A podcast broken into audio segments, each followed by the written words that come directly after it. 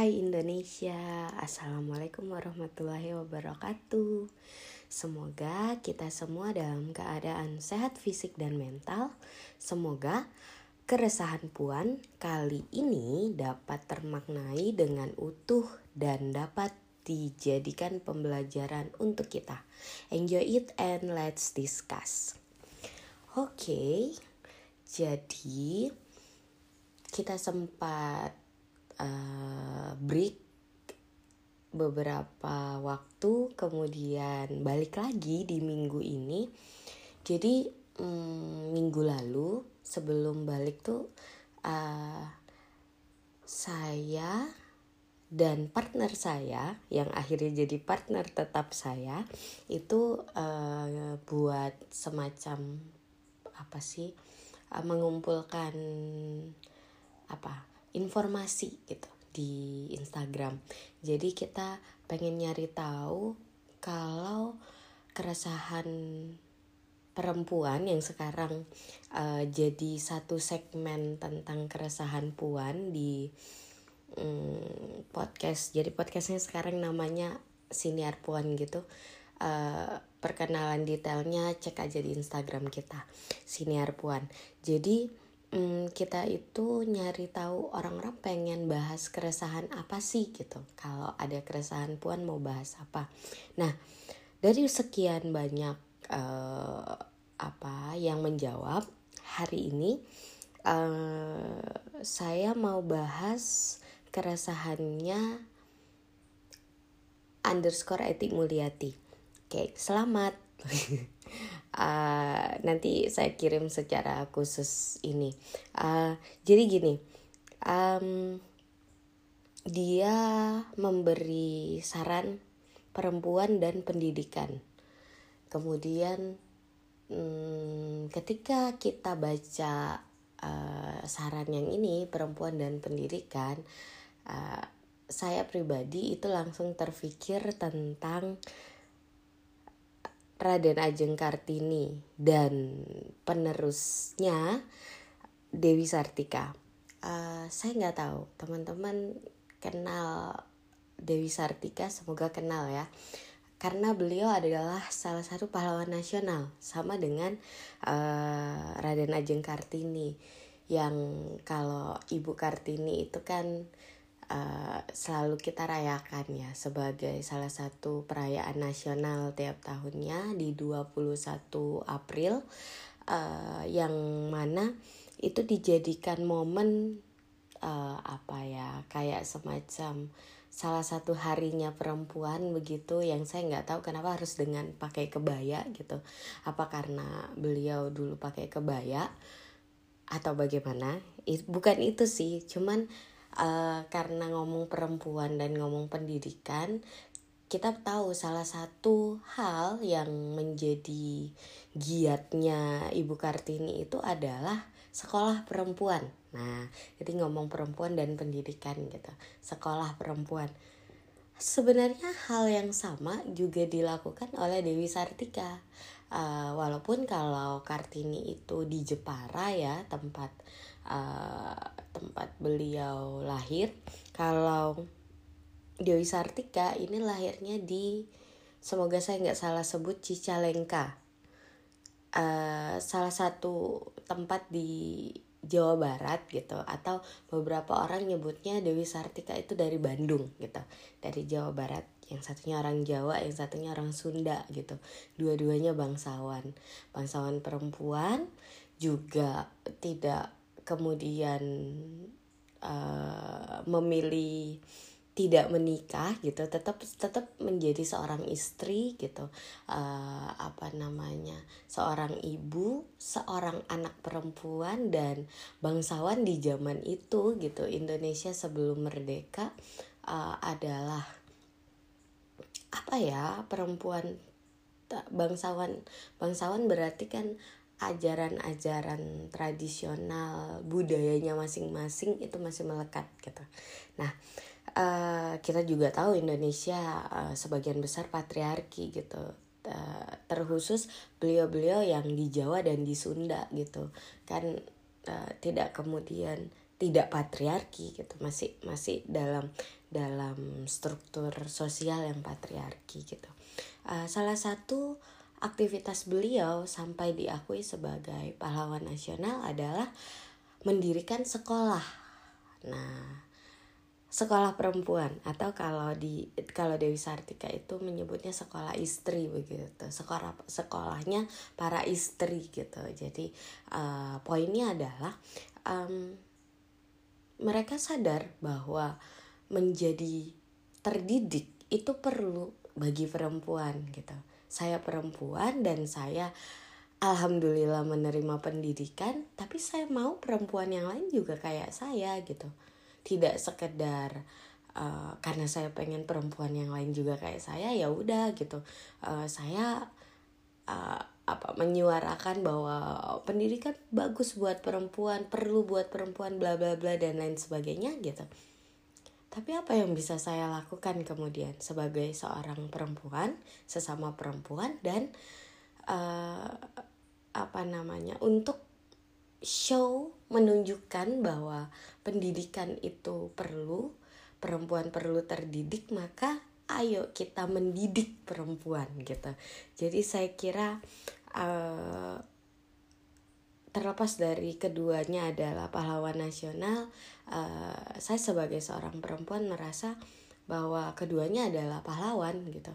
Karena um, saya perempuan dan saya juga berada di institusi pendidikan gitu walaupun yang saya ajar nggak khusus perempuan aja gitu laki-laki juga walaupun begitu uh, tidak boleh ya membeda-bedakan bahwa saya ngajarnya saya maunya uh, lebih apa maksimal ke perempuan daripada ke laki-laki atau dan lain sebagainya gitu.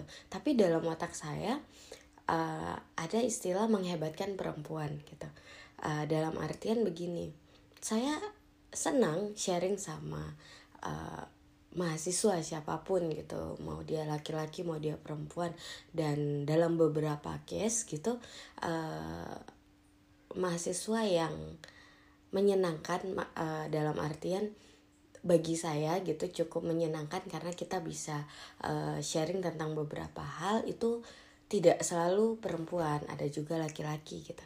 Tapi ketika saya menemukan perempuan itu dalam hati saya uh, yes ketemu lagi gitu. Uh, saya pada masa saya gitu itu saya gitu. Dan saya sangat senang ketika saya menemukan di masa ini ada lagi gitu perempuan. Karena seharusnya gitu perempuan memang terdidik.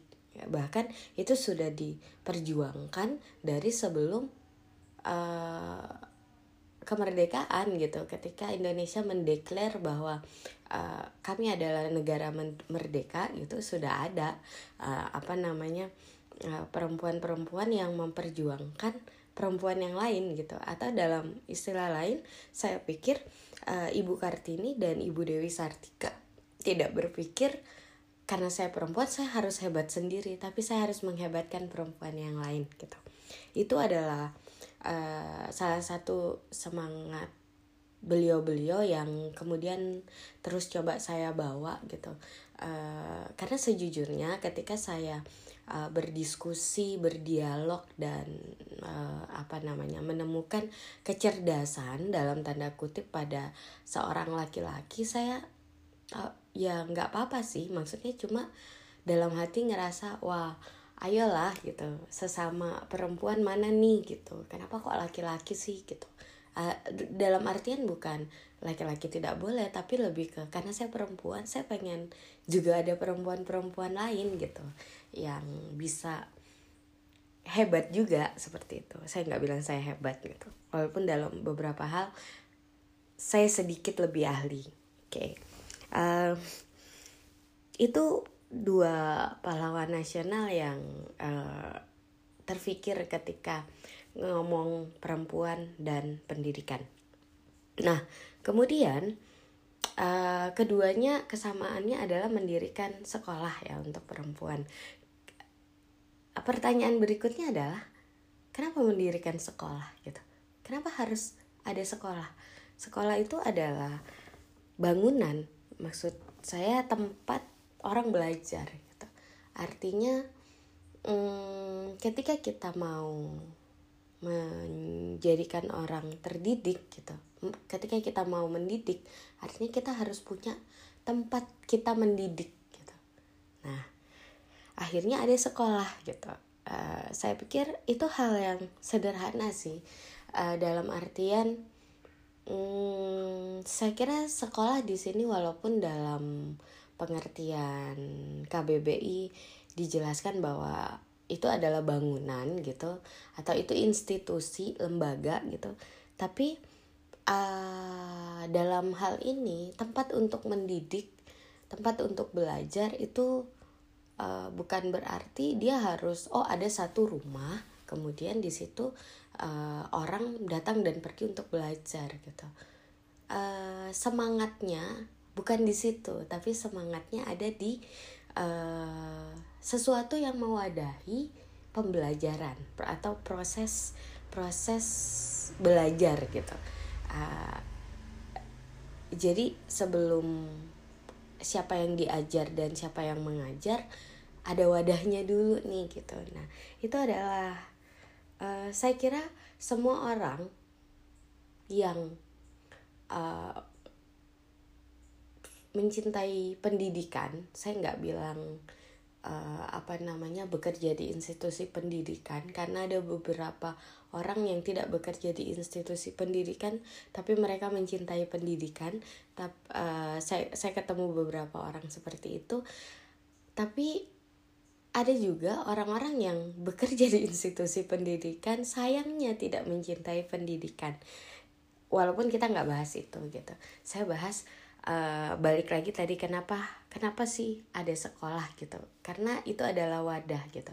Semua orang yang mencintai pendidikan ini adalah bentuk uh, belief saya kepercayaan saya entah benar entah salah. Setidaknya beberapa orang yang saya tahu mencintai pendidikan itu berharap bisa memiliki sekolah punya sekolah. Dalam artian mereka bisa mewadahi gitu. Bukan uh, artinya mendirikan sekolah itu punya bangunan atau punya lembaga gitu. Tapi mereka mewadahi proses belajar mengajar tadi gitu. Melakukan proses pendidikan. Karena mereka mencintai pendidikan. Kok jadi merasa sedih ya ngomongnya maksudnya uh, saya hidup di dunia pendidikan dan saya mencintai pendidikan gitu. Itu juga salah satu harapan saya sebenarnya. Dan beberapa orang yang saya temuin pun mengatakan itu gitu. Jadi uh, itu menjadi satu bentuk kepercayaan bahwa uh, mereka yang mencintai pendidikan akan berpikir bahwa akan menyenangkan ketika kita punya sekolah gitu. Ketika kita bisa mewadahi proses dididik dan mendidik tadi gitu.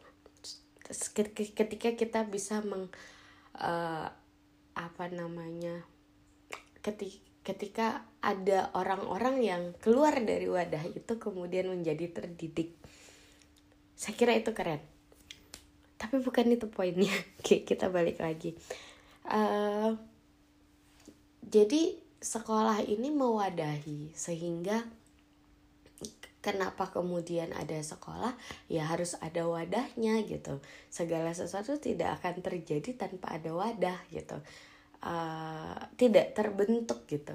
Tidak air air itu kan bentuknya uh, sesuai dengan wadahnya gitu. Jadi uh, seperti apa wadahnya maka itu akan mencerminkan seperti apa bentuk dari si air tadi gitu. Saya kira begitupun uh, apa orang-orang yang terdidik gitu. Jadi balik lagi ke wadahnya kayak apa sekolahnya kayak apa. Jadi saya kira memang benar uh, kenapa kemudian saya S2 memilih ke UGM begitu. Karena ketika saya mau memilih psikologi sosial UGM salah satu yang baik di sana gitu. Uh, siapa yang tidak kenal nama-nama uh, Pak Fatur Rahman misalkan. Terus alhamdulillah Pak Jamaluddin Ancok saya masih sempat uh, merasa diajar beliau.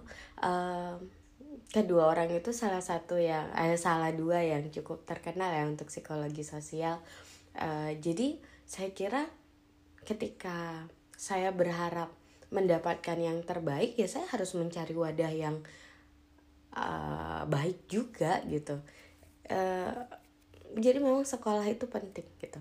Uh, dalam artian di sini wadah yang menaungi proses pendidikan tadi bukan uh, terlepas dari dia adalah bangunan dan dia adalah lembaga gitu. Yang kemudian itu yang menjelaskan siapa dia.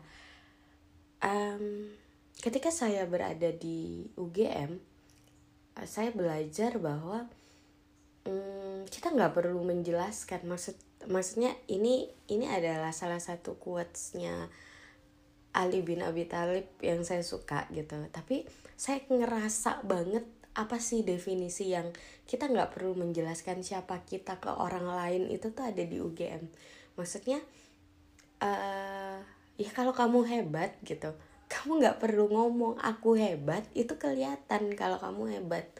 Dengan sekian banyak orang nyari kamu gitu. Dengan uh, apa namanya hasil prestasi yang yang terlihat. Karena karena prestasi itu terlihat gitu. Jadi nggak perlu marketing lagi bagi orang-orang hebat. Cuman uh, dan satu hal yang saya ke, saya dapatkan dari satu karakter yang sama dari semua orang-orang hebat mereka merasa belum hebat. Uh, I mean mereka punya idola ses, ses seseorang yang lebih hebat dari mereka, mereka merasa mereka masih harus belajar lagi tentang hal yang orang lain tahunya itu adalah ekspertas expert mereka gitu, keahlian mereka. Tapi bagi mereka saya masih belum di situ, saya perlu belajar lagi dan lain sebagainya gitu. Uh, kita nggak bisa bilang itu adalah rendah diri atau merendah gitu, tapi itu adalah uh, apa ya menurut saya hal yang benar. Ya karena memang yang paling sempurna kan Tuhan begitu yang ya kamu kamu belajar lebih ketika kamu benar-benar merasa kamu belajar gitu. Kamu harusnya uh, terpikir bahwa kamu belum dapat apa-apa dan kamu akan belajar lagi lagi lagi dan lagi gitu. Uh, itu esensi dari apa ya proses pendidikan yang yang sejujurnya saya nggak nyampe dua tahun gitu uh, di UGM sementara waktu S1 itu saya hampir empat tahun gitu. Tapi hmm, saya memaknai banyak gitu di di waktu yang lebih sedikit saya mem, mem, memaknai lebih banyak. Entah karena uh, pengalaman sebelumnya terus itu karena lingkungannya atau karena memang hmm, saya lebih uh, apa lebih banyak pengalaman aja dari daripada waktu S1 dulu gitu.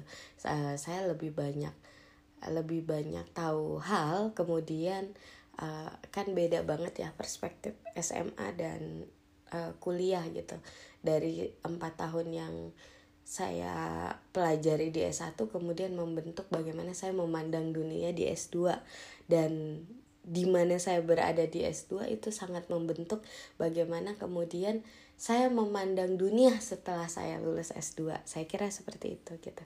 Jadi ternyata sekolah penting banget gitu. Wadahnya itu penting gitu.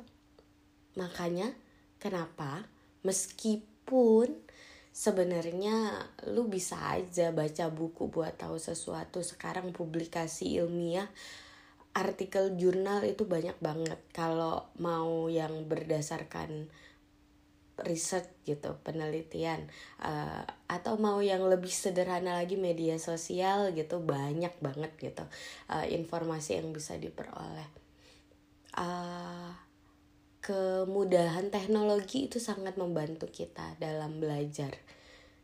Belajar bisa di mana aja. Terus seminar-seminar, pelatihan-pelatihan, kursus-kursus gitu yang nggak perlu memakan waktu lama gitu.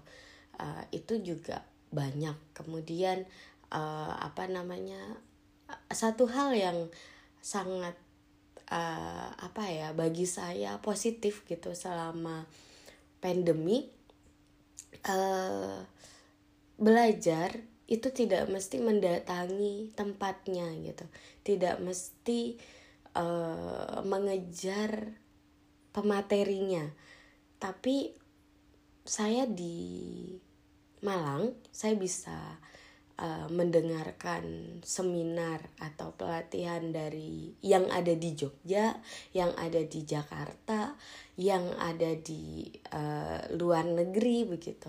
Tanpa saya harus ke sana gitu. Itu memangkas banyak sekali biaya uh, satu hal yang baik terlepas dari beberapa hal yang kurang gitu. Uh, apa namanya kehidupan pasca pandemi ini. Itu itu yang kemudian dari semua itu kita bisa bisa belajar di mana aja dan lain sebagainya tapi kita tetap harus punya sekolah wadah. Karena air tadi itu kalau uh, ngalir di mana-mana ke mana-mana tanpa ada wadahnya dia bisa jadi bencana dia bisa jadi tak terbendung dia bisa jadi nggak jelas gitu dan tidak bisa didefinisikan. Maksudnya ini air apa begitu? Karena dia tergenang begitu saja gitu. Ketika dia ada di selokan dia jadilah air got gitu. Ketika dia ada di dalam gelas dia jadilah air untuk diminum. Air yang masak aja. Kalau dia ditaruh di gelas sama dia ditaruh di mangkok yang ditaruh di mangkok itu biasanya uh, saya juga nggak tahu kenapa airnya dipakai untuk dimakan gitu. Mungkin dia kuah sayur atau dia um, kuah ikan kuning itu enak banget. Uh, apa namanya tapi dia tidak sebagai minuman gitu. Misal kalau kuah ikan kuning ya warnanya kan kuning dikasih kunyit gitu. Uh, tapi dia nggak nggak diminum gitu. Sedangkan ada min eh, di apa air yang ditaruh di gelas gitu warnanya uh, juga kuning gitu. Tapi dikiranya es jeruk ya kalau dikasih es ya dikira es jeruk gitu. Dan itu diminum gitu sedangkan yang di mangkok itu dimakan. Nah kita kita jadi bisa menjelaskan uh, pendidikan apa nama proses proses belajar ini tadi itu setelah dia ada ada pada wadah gitu jadi memang ternyata harus sekolah untuk bisa menjelaskan untuk bisa melegalkan atau kalau bahasa saya ketika kenapa kemudian uh, saya tidak berhenti pada saat saya mengerjakan tugas akhir skripsi dan tesis terlepas dari uh, satu dan lain hal salah satu motivasi individu saya adalah biar saya bisa dapat legalitas ber, uh, bahwa saya memang mengerti tentang ilmu itu ilmu yang saya pelajari sekian tahun nggak ada artinya apa namanya uh, ketika saya tidak menunjukkan bahwa saya punya gelar di situ gitu. demi selembar kertas yang menunjukkan gelar saya legal bahwa kuliah saya uh, apa-apa yang saya pelajari itu memang layak untuk saya apa uh, share ke orang lain ya saya harus punya lisensi dong gitu. Saya kira itu salah satu motivasi saya. Mungkin uh, beberapa orang bisa mempertimbangkan itu sebagai apa motivasinya. Jadi memang harus ada wadahnya. Uh, sehingga kenapa uh, mungkin ini mungkin ya karena saya tidak berbicara langsung dengan ibu kartini dan ibu dewi sartika gitu mungkin ini yang jadi bentuk semangat beliau-beliau untuk membangun sekolah gitu jadi memang harus ada wadah untuk melakukan proses mendidik dan mendapatkan pendidikan tadi. Itu saya kira gitu kenapa orang sekolah. Kemudian uh, 24 di menit ke 24 lebih. Uh, hmm, keresahan yang kali ini uh, semoga ke depan ke depannya masih ada yang berbaik hati mau uh, sharing ke kita tentang keresahannya. Keresahan memang benar-benar keresahan. Saya akan membahas tentang keresahan yang ketika kalian dengarkan kalian akan memiliki banyak pertanyaan juga tentang ini. Ya udah keresahan. Kita nggak pakai referensi dan teoritis karena itu ada di segmen yang lain gitu. Jadi ketika bahas keresahan ya ini memang hal-hal yang meresahkan yang membuat overthinking gitu. Kenapa saya kemudian angkat uh, saya mau uh, sharing ini di podcast? Karena uh, salah satu overthinking saya gitu yang uh, juga ternyata menjadi keresahan orang lain. Oke, okay. uh, kemudian um, ternyata sekolah itu adalah wadah kita perlu wadah. Uh, salah satu semangat juga yang saya kira mungkin difikirkan oleh Ibu Kartini dan Ibu Dewi Sartika adalah uh, di zaman mereka, saya nggak bilang sekarang ya, di zaman mereka pada waktu itu uh, terbatas sekali orang-orang yang sekolah. Uh, maksudnya orang-orang yang bisa datang ke sekolah, uh, memasuki tem wadah proses belajar tadi ya gitu. Terbatas sekali. Um, terutama laki-laki gitu. Kemudian terutama bangsawan. Saya kira itu. Um, detail dan literaturnya banyak sekali gitu. Kalian uh, bi bisa bisa baca gitu tentang siapa dua pahlawan nasional ini gitu. Bagaimana proses sekolah berdiri bahkan bagaimana cerita pendidikan di zaman mereka gitu. Kalian bisa cari di uh, banyak tempat gitu tentang itu gitu. Itu tertuliskan. Uh, yang jelas uh, ketika itu bersekolah adalah sesuatu yang eksklusif. Artinya spesial. Artinya tidak semua orang bisa merasakan itu. Padahal gitu. Padahal pendidikan itu perlu gitu. Tapi nggak semua bisa gitu. Jadi seharusnya ada gitu. Ada yang bisa melampaui syarat eksklusivisme dari pendidikan yang sudah ada gitu. Nah, mungkin juga karena beliau-beliau adalah perempuan sehingga yang bisa mereka gapai, yang bisa mereka tindak, yang dekat dari mereka perempuan, anak-anak gitu. Yang ada di sekitar mereka sebelum kemudian uh, lari ke kalau di Surabaya kita tahu Cokro Minoto, beliau bukan perempuan tapi beliau juga uh, salah satu yang konsen ke pendidikan. Saya selalu jatuh cinta sama banyak orang-orang yang konsen ke pendidikan karena mereka mencintai gitu. Uh, kemudian uh, tadi ya yang saya bilang ternyata eksklusif eksklusif ini terkhusus saya nggak ngomong antara bangsawan dan uh, tidak bangsawan rakyat biasa tapi uh, saya konsen ke karena saya menotis Ibu Kartini dan Ibu Dewi Sartika di awal. Jadi uh, saya menotis bahwa memang menjadi perempuan pada waktu itu gitu itu sangat uh, problem sekali. Padahal siapa sih yang bisa milih waktu lahir? Aku nggak mau jadi perempuan aku maunya jadi laki-laki atau aku nggak mau laki-laki aku maunya perempuan. Itu nggak bisa dipilih gitu. Tahu-tahu ya memang uh, this is me gitu. Saya ya seperti ini. Uh, apa rupakan transgender dan lain sebagainya. Kita kita ngomong konteks gitu. Uh, sesuatu yang biologis yang tidak bisa kita pilih. Yang uniknya itu menjadi hal yang tidak bisa kita pilih ini ya. Itu menjadi hal yang uh, terdikotomikan di masyarakat. Dalam artian uh, menjadi hal yang uh, apa namanya ber apa sih be berbeda gitu. Ya kalau kamu laki-laki kamu harus punya kriteria ABC sampai Z. Kalau kamu perempuan kamu harus ABC sampai Z gitu. Termasuk konteksnya di sini dari sekian banyak hal itu adalah pendidikan gitu. Yang laki-laki harus tahu gitu segala hal. Ketika ditanya ya harus tahu gitu nggak tahu ya harus tahu. Gimana caranya untuk jadi perempuan? Kamu gak usah tahu banyak hal gitu. Kamu cukup ahli di rumahmu gitu. Uh, di zaman itu ya saya cerita di zaman itu. Maksudnya karena kita masih konteks uh, tadi poin pertama uh, sekolah sekolah buat perempuan itu. Jadi uh, hal yang apa ya itu kehidupan sosial untuk tahu banyak hal menjadi uh, tidak tahu banyak hal. Itu sebenarnya pilihan pilihan yang bisa kita lakukan.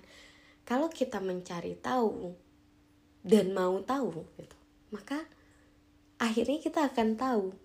Kalau kita nggak peduli uh, tidak mau mencari tahu dan uh, nggak peduli tahu apa enggak gitu ya kita hanya akan tahu ketika dikasih tahu. Kalau kita nggak nyari tahu ya kita jadi nggak tahu gitu. Itu pilihan maksudnya sesuatu yang uh, kalau kamu melakukan ini kamu dapat ini kalau kamu melakukan itu kamu dapat itu. Beda sama jenis kelamin gitu. Yang tadi kita nggak bisa pilih perempuan atau laki-laki. Nah itu kan hal yang beda gitu. Yang kemudian pendidikan ini sesuatu yang bisa dipilih gitu jadi uh, kemudian kalau laki-laki boleh memilih terdidik atau tidak, kenapa perempuan tidak bisa memilih terdidik atau tidak? Saya kira itu adalah semangat gitu, semangat beliau-beliau yang kemudian uh, juga menjadi hal yang iya benar, maksudnya yang saya yang saya yakini juga benar gitu artinya uh, semuanya berhak mendapatkan hal yang sama. Dalam artian i uh, case di modern sekarang di saat ini maksudnya uh, kalau dulu kan karena salah satu eksklusivisme dari pendidikan adalah uh, mengutamakan laki-laki daripada perempuan saya kira sekarang terlepas dari memang ada asrama putri asrama putra ada ada apa namanya sekolah yang khusus perempuan khusus laki-laki dan lain sebagainya itu gitu. Tapi uh, pada saat ini setidaknya di sekitar saya saya menemukan bahwa pendidikan sudah tidak eksklusif lagi dalam konteks gender gitu. Dalam konteks hanya laki-laki yang boleh hanya perempuan yang boleh gitu. Walaupun di apa ya uh, sudah menjadi rahasia umum kalau di teknik itu mayoritas perum, uh, sorry mayoritas laki-laki gitu. Tapi kan nggak kemudian fakultas teknik melarang perempuan menjadi mahasiswanya. Enggak gitu. Nggak ada lagi gitu eksklusivisme itu. Artinya sekarang sudah nggak perlu memperjuangkan bahwa perempuan harus gitu. Laki-laki uh, nggak nggak boleh melarang gitu. Karena uh, apa secara negara dan kehidupan sehari-hari nggak ada tuh yang melarang gitu. Uh, justru saya terlepas masih ada gitu terlepas masih ada karena saya tahu di beberapa orang atau di, di di beberapa kasus itu ada yang kayak gitu gitu. Terlepas masih ada saya menjadi heran dengan hal yang masih ada ini gitu yang minoritas sebenarnya. Kenapa dia masih kolot banget gitu. Kenapa dia masih hidup di zaman ibu kartini yang sebelum kemerdekaan itu gitu. Dari mana dia dapat pemikiran itu? Itu sih yang apa namanya yang kemudian uh, menjadi apa ya yang saya kira tidak perlu lagi ada perempuan yang bilang uh, saya tidak sekolah karena saya tidak harus sekolah gitu maksud saya terlepas itu memang masih ada bagi saya aneh kalau sekarang itu masih ada gitu karena uh, negara kita tidak tidak mem, apa ya tidak melakukan eksklusivisme terhadap pendidikan gitu. Oke, sekarang pertanyaannya diganti. Kenapa perempuan harus terdidik? Hmm, walaupun uh, apa ya tema yang saya bawa adalah perempuan dan pendidikan gitu. Uh, tapi saya menekankan uh, poin poin yang tadi saya sebut bahwa uh, pendidikan sekarang tidak eksklusif uh, dalam konteks gender ya. Pendidikan sekarang tidak eksklusif. Artinya tidak ada pendidikan yang hanya khusus perempuan atau hanya khusus laki-laki aja gitu. Perempuan dan laki-laki harus terdidik gitu. Nah uh, oke okay, berangkat dari itu gitu. Uh, saya sebagai apa namanya yang berada di institusi pendidikan dan menghadapi mahasiswa perempuan dan laki-laki itu kemudian berpikir kalau misalkan laki-laki bisa menang atau mendapatkan prestasi di uh, debat internasional misalkan atau uh, apa namanya bisa menjadi apa ada apa dan bagaimana sukses IPK-nya bagus dan bagaimana gitu. Kalau laki-laki bisa, berarti perempuan bisa. Sama halnya case kalau perempuan bisa berarti laki-laki bisa. Contoh sederhana, apa sih yang harus dimiliki psikologi uh, empati gitu. Dia harus uh, bisa memahami apa yang dirasakan orang lain karena kita bekerja menjual jasa gitu untuk orang lain itu bisa dilakukan oleh laki-laki dan perempuan. Jadi nggak ada istilah perempuan perempuan. Kamu bisa karena kamu perempuan. Laki-laki bilang kamu bisa karena kamu uh, laki-laki begitu. Nggak begitu gitu. Karena memang pendidikan itu inklusif tidak eksklusif. Artinya kamu mau perempuan atau kamu laki-laki pilihannya adalah bukan di jenis kelaminnya gitu. Tapi di kamu mau belajar apa enggak? Kalau kamu nggak mau belajar kamu laki-laki kamu perempuan ya kamu nggak bakalan tahu gitu. Itu. Jadi uh, kalau case uh, yang zaman dulu memang pendidikan eksklusif sekarang sudah inklusif gitu. Nah uh, back to the topic perempuan terdidik. Perempuan dan pendidikan. Hmm, karena memang untuk mengetahui segala sesuatu, untuk mempelajari segala sesuatu, untuk menjadi tahu tentang sesuatu itu bukan ses, bukan hal yang tidak bisa dipilih. Itu bisa dilakukan siapa saja, tidak memandang jenis kelamin, maka perempuan harus terdidik gitu. Bagaimana kamu bisa memilih tidak dan memilih iya, kamu harus tahu tentang sesuatu itu. Maksud saya gini, uh, ketika saya bilang saya nggak suka pare sama jengkol gitu, pahit, aneh, udah gitu bau. Nah, ketika saya ngomong kayak gitu, terus saya bilang saya nggak pernah makan, saya dengar cerita case-nya begitu gitu, salah kan? Nah, jadi saya harus nyoba dulu gitu. Terlepas dari ternyata akhirnya saya melepeh apa melepeh itu. Mem, me, memuntahkan ke mbak belum nyampe. Tenggorokan baru di lidah nggak enak terus saya keluarkan lagi gitu ya. Eh, karena me memang ternyata nggak enak. Akhirnya saya memilih bahwa saya nggak suka pare sama jengkol gitu. Karena aneh rasanya gitu Nah, kemudian ada yang juga saya nggak suka sawi gitu. Menurut saya juga sawi itu pahit-pahit gimana gitu. Tapi kalau sawi ada di nasi goreng saya, saya tetap makan. Kalau sawi uh, apa namanya ditumis di ini saya tetap makan gitu karena nggak ada sayur yang lain tapi kalau saya bisa milih nggak makan sayur ada lauk yang lain gitu ya saya makan. Maksudnya hmm, sesuatu yang saya memilih saya bisa mentolerir saya tidak mentolerir. Kalau case di uh, apa pete sama jengkol itu saya juga saya saya nggak ini ya nggak apa namanya nggak mau sama sekali gitu. Setelah saya nyoba dan memang memang definisi di saya itu aneh gitu.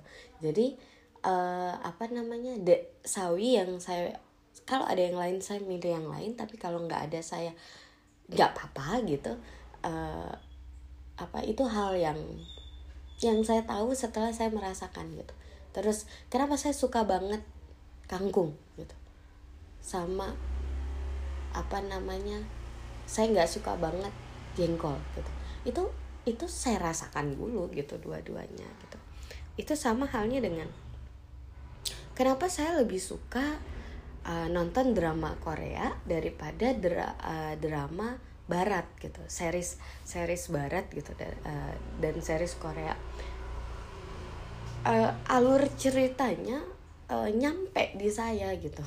Uh, tokoh-tokohnya nyampe di saya. Nyampe ini dalam artian hmm, saya sudah lihat gitu dua-duanya gitu. Saya saya kalau disuruh milih film sama series saya lebih milih series gitu. Uh, menurut saya lebih detail aja ceritanya. Nah tapi saya uh, lebih suka yang Asia gitu daripada yang Western. Meskipun uh, keduanya sama-sama uh, ceritanya bagus mungkin sutradaranya bagus dan lain sebagainya gitu ya uh, setelah saya sudah lihat dua-duanya walaupun uh, saya lebih memilih yang mana dan lain itu halnya sama dengan pendidikan gitu. Sehingga uh, perempuan um, perempuan yang tidak melanjutkan sekolah bagi saya tidak masalah.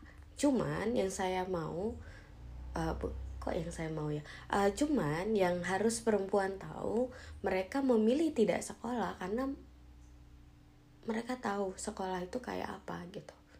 Mereka memilih sekolah karena mereka tahu sekolah kayak apa gitu. Artinya uh, untuk menjadi tahu gitu kita harus mencari tahu. Itu itu itu, itu poin poinnya gitu.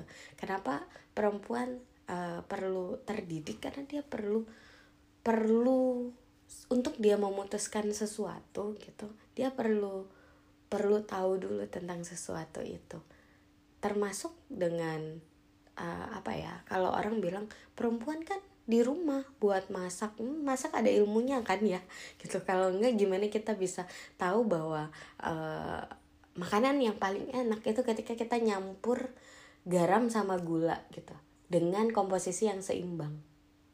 Bukan melebihkan garam, bukan melebihkan gula, hanya garam atau hanya gula. Yang enak kalau digabung gitu.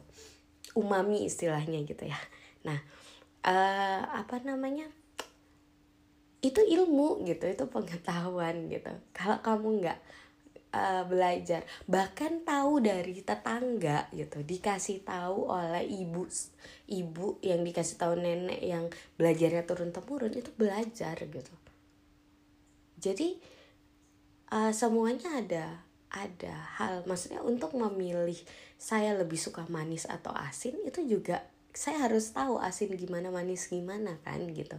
Jadi hmm, kita perlu banyak kita sebagai perempuan perlu tahu banyak hal gitu. Untuk bisa memilih banyak hal dan memberikan banyak hal gitu.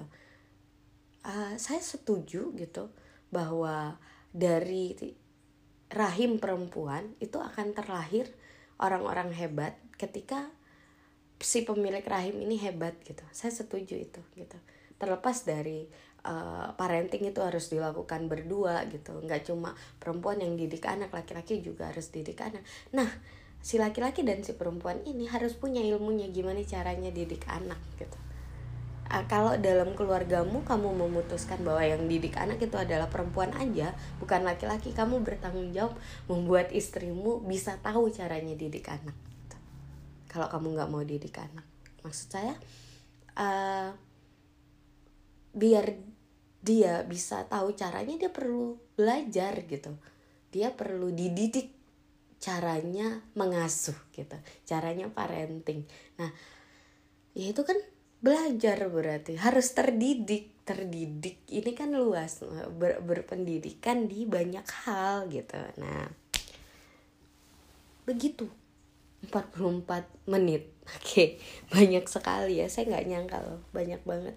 Uh, jadi untuk menjadi tahu banyak hal gitu termasuk ada istilah peribahasa Islam adab dulu baru ilmu. Saya setuju itu gitu.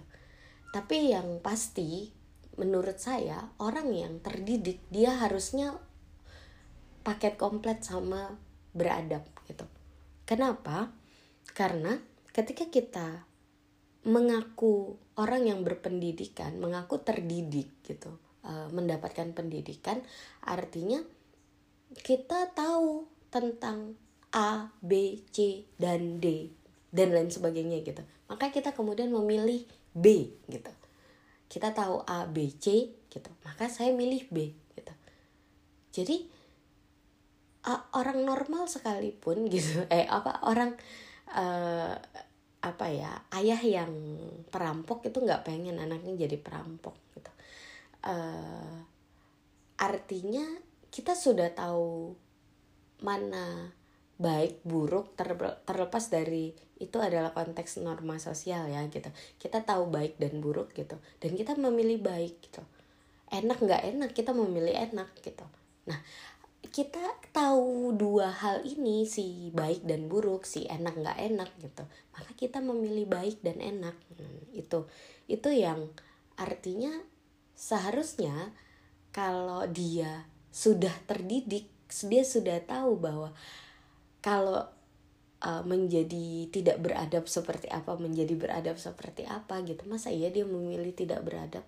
Jadi saya kira orang-orang yang tidak beradab artinya dia belum terdidik terlepas dari misalkan dia adalah profesor terlepas dari dia uh, sekolah setinggi langit gitu sampai kan sekolahnya di Cina gitu sampai ke negeri Cina kan ya.